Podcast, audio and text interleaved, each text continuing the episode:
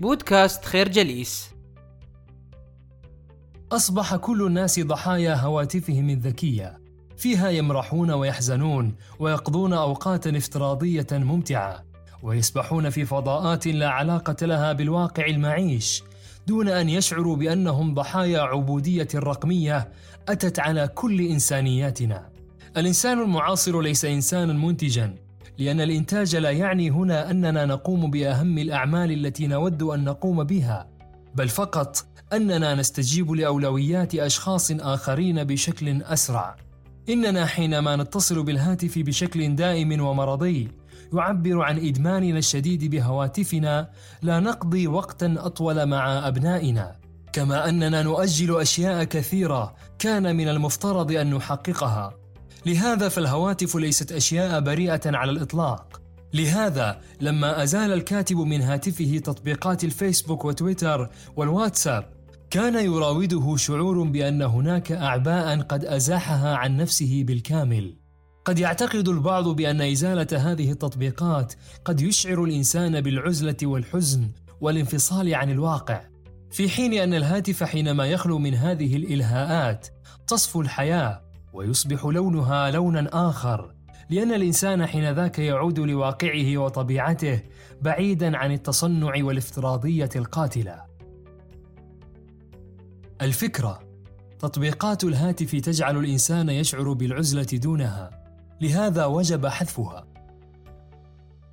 حينما يخلو الهاتف من كل الإلهاءات، تتحول حياتنا من الإلهاء إلى التركيز، أي أننا نتحول بشكل تلقائي إلى نظام اصنع وقتك، فتصبح لدينا القدرة الكافية للتحكم في الزمن، واستثماره واستغلاله على الوجه الأكمل. وهكذا يستطيع المرء أن يضع له برنامجا رياضيا يعيد للإنسان صحته الضائعة وممارسة أنواع من التأمل والتفكير معنى هذا أن الإلهاءات تجعلنا لا نتعلم نظاما يستطيع الإنسان أن يكيفه حسب حاجاته ورغباته. ولعل أول شيء تعلمه الكاتبان خلال تجارب قاما بها على أشخاص لهم نفس الميولات والهوس بالوقت هو انهما اكتشفا أن هناك شيئا سحريا يحدث حينما تبدأ اليوم بهدف له أولوية عالية. تخلق هذه الحالة المحورية حالة من الوضوح والتحفيز.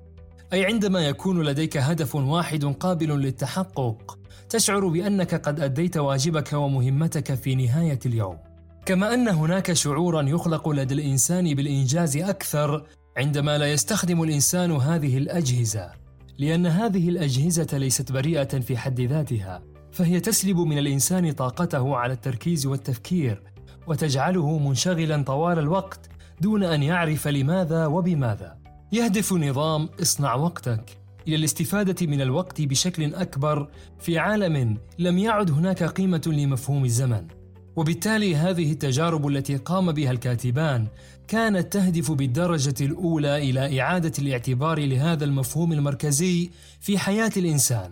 لهذا تم وضع هذا النظام بناء على أربع خطوات أساسية تساعد الإنسان على صناعة الوقت وملء الفراغ بما يحقق إنسانية الإنسان. والخطوات كما يلي: الخطوة الأولى هي أن تختار لك هدفا مهما في حياتك لتمنحه الأولوية في يومك. ثم تعمل جاهدا على الوصول إلى تحقيقه بالوسائل الممكنة الخطوة الثانية التفكير وهو عنصر مهم من عناصر نظام الوقت لأن دونه لا يستطيع المرء أن يحدد أولوياته ولا أن يعرف اتجاهه الخطوة الثالثة التركيز التام ويمكن تحقيقه بخطوات بسيطة كتسجيل الخروج من تطبيقات التواصل الاجتماعي أو تحديد موعد للتحقق من البريد الإلكتروني. الخطوة الرابعة تجديد الطاقة وهذا الأمر لا يتأتى إلا بالمزيد من التركيز والابتعاد عن التشتت الذي تحدثه كثرة الأولويات وطبيعة الحياة الافتراضية. الفكرة تجربة إخلاء الهاتف من الإلهاءات تمنحك الكثير من المميزات. أهمها نظام اصنع وقتك. وصناعة الوقت والاستفادة منه تبدأ باتباع مجموعة من الخطوات العملية. هناك تصور قديم يربط بين الإنجاز وعدد الأشياء المنجزة وهو تصور كمي يقيس الإنجازات بمفهوم العدد. هذا التصور لا يتفق معه الكاتب. لأن فعل المزيد بالنسبة إليهما لا يساعد المرء على إيجاد وقت للأشياء المهمة. بل كل ما يفعل هذا العدد الكبير من الأعمال المنجزة هو المزيد من الشعور بالارتباك والتيه وعدم الوضوح. هذا التشويش الذي تحدثه كثرة الأعمال لابد من وضع حد له إذا ما أراد الإنسان أن يستثمر وقته بشكل أفضل. ولكي ينتهي منه الإنسان وجب التركيز على الأنشطة البسيطة ولكن المرضية. يعتقد البعض أن التركيز على النشاطات الواقعة في المساحات بين الغايات والمهام هو المفتاح لإبطاء سرعة الحياة اليومية وجعله أكثر فعالية ونضجا وإنجازا. ولكن بالتأمل نجد بأن الأهداف طويلة الأمد تجعلنا لا نستمتع بلحظتنا الحاضرة. كما أن المهام ضرورية لإنجاز الأشياء ولكن بدون وجود نقطة محورية تمر مشوشة دون أن نتذكرها. ومن المؤكد أن اختيار الهدف مسألة بديهية لتحقيق نجاحاتنا لأن كل نجاح هو في نهاية المطاف اختيار موفق وهدف محدد بشكل مسبق غير أن هذا الأمر بالرغم من أنه يبدو مسألة بسيطة إلا أنه صعب التحقق خاصة في واقع تبدو لك كل الأشياء أهدافا قابلة للتحقق مما يخلق حالة من التشويش اللامحدود. إن أول خطوة يمكن أن يبدأ بها الإنسان هي كتابة الهدف الأسمى وبأي طريقة وبأي وسيلة. وهناك أسباب كثيرة لتكرار الهدف. قم بتكرار الهدف بشكل مستمر حتى يستقر في عقلك اللاواعي. قم بتكرار الهدف ليكتسب زخما قم بتكرار الهدف ليصبح عادة. قم بتكراره لتواصل الاستمتاع بالأوقات السعيدة. ولا يكفي الإنسان فقط أن يحدد هدفه بل أيضا إلى أن يجعل لهدفه موعدا. يبدو الأمر سهلا من الناحية النظرية لكن بالتأمل أيضا يجد الإنسان نفسه محاطا بمجموعة من الإكراهات المرتبطة بتحديد موعد لتحقيق أهدافه. ويقترح الكتاب جدولا مهما لتحديد موعد لكتابة الهدف. فكر في الوقت الذي تحتاجه لتنفذ هدفك. فكر في الموعد الذي تحتاجه لتنفيذ عملك ضع هدفك في جدول الأعمال. إن الهدف من تحديد هذا الجدول هو أن يجبرك على تقليص المقايضات التي تجريها عند تحديد الطريقة التي تقضي بها وقتك. كما أن تحديد الموعد يجعل الوقت محجوزا بشكل قبلي لذلك الهدف المراد إنجازه وتحقيقه. وهنا تكمن أهمية الموعد لأن بدء اليوم بجدول أعمال فارغ من المواعيد يحدث نوعا من التيه والتشويش الذي يزيد من حالة الإرباك تجاه الوقت والزمن. الفكرة إنجاز الكثير من الأعمال لا يعني استثمار الوقت بشكل أفضل، والاختيارات الموفقة للأهداف ووضع موعد لها يزيد من فرصة تحقيقها. إذا أردت أن تسيطر على هاتفك وتتخلص بشكل نهائي من هذه القبضة المحكمة التي تقع تحت سيطرتها، عليك أولاً أن تلغي كل التطبيقات والمؤثرات اللانهائية من هواتفنا. يبدو الأمر في غاية الصعوبة بالنسبة لمن أدمن هذا النوع من التطبيقات، غير أنه لا يحتاج إلا إلى الضغط على زر واحد فتمحى الذاكرة والشاشة من كل هذه المشوشات والمنغصات. تجربة الهاتف الخالي من الإلهاءات تجربة مهمة وجب على كل واحد منا أن يجربها ويخوض غمارها لأنها تستحق المرور عليها، خاصة إذا عرفنا بأننا سنستمتع بالوقت بشكل أكبر ونكون أكثر فعالية وإنتاجية من ذي قبل.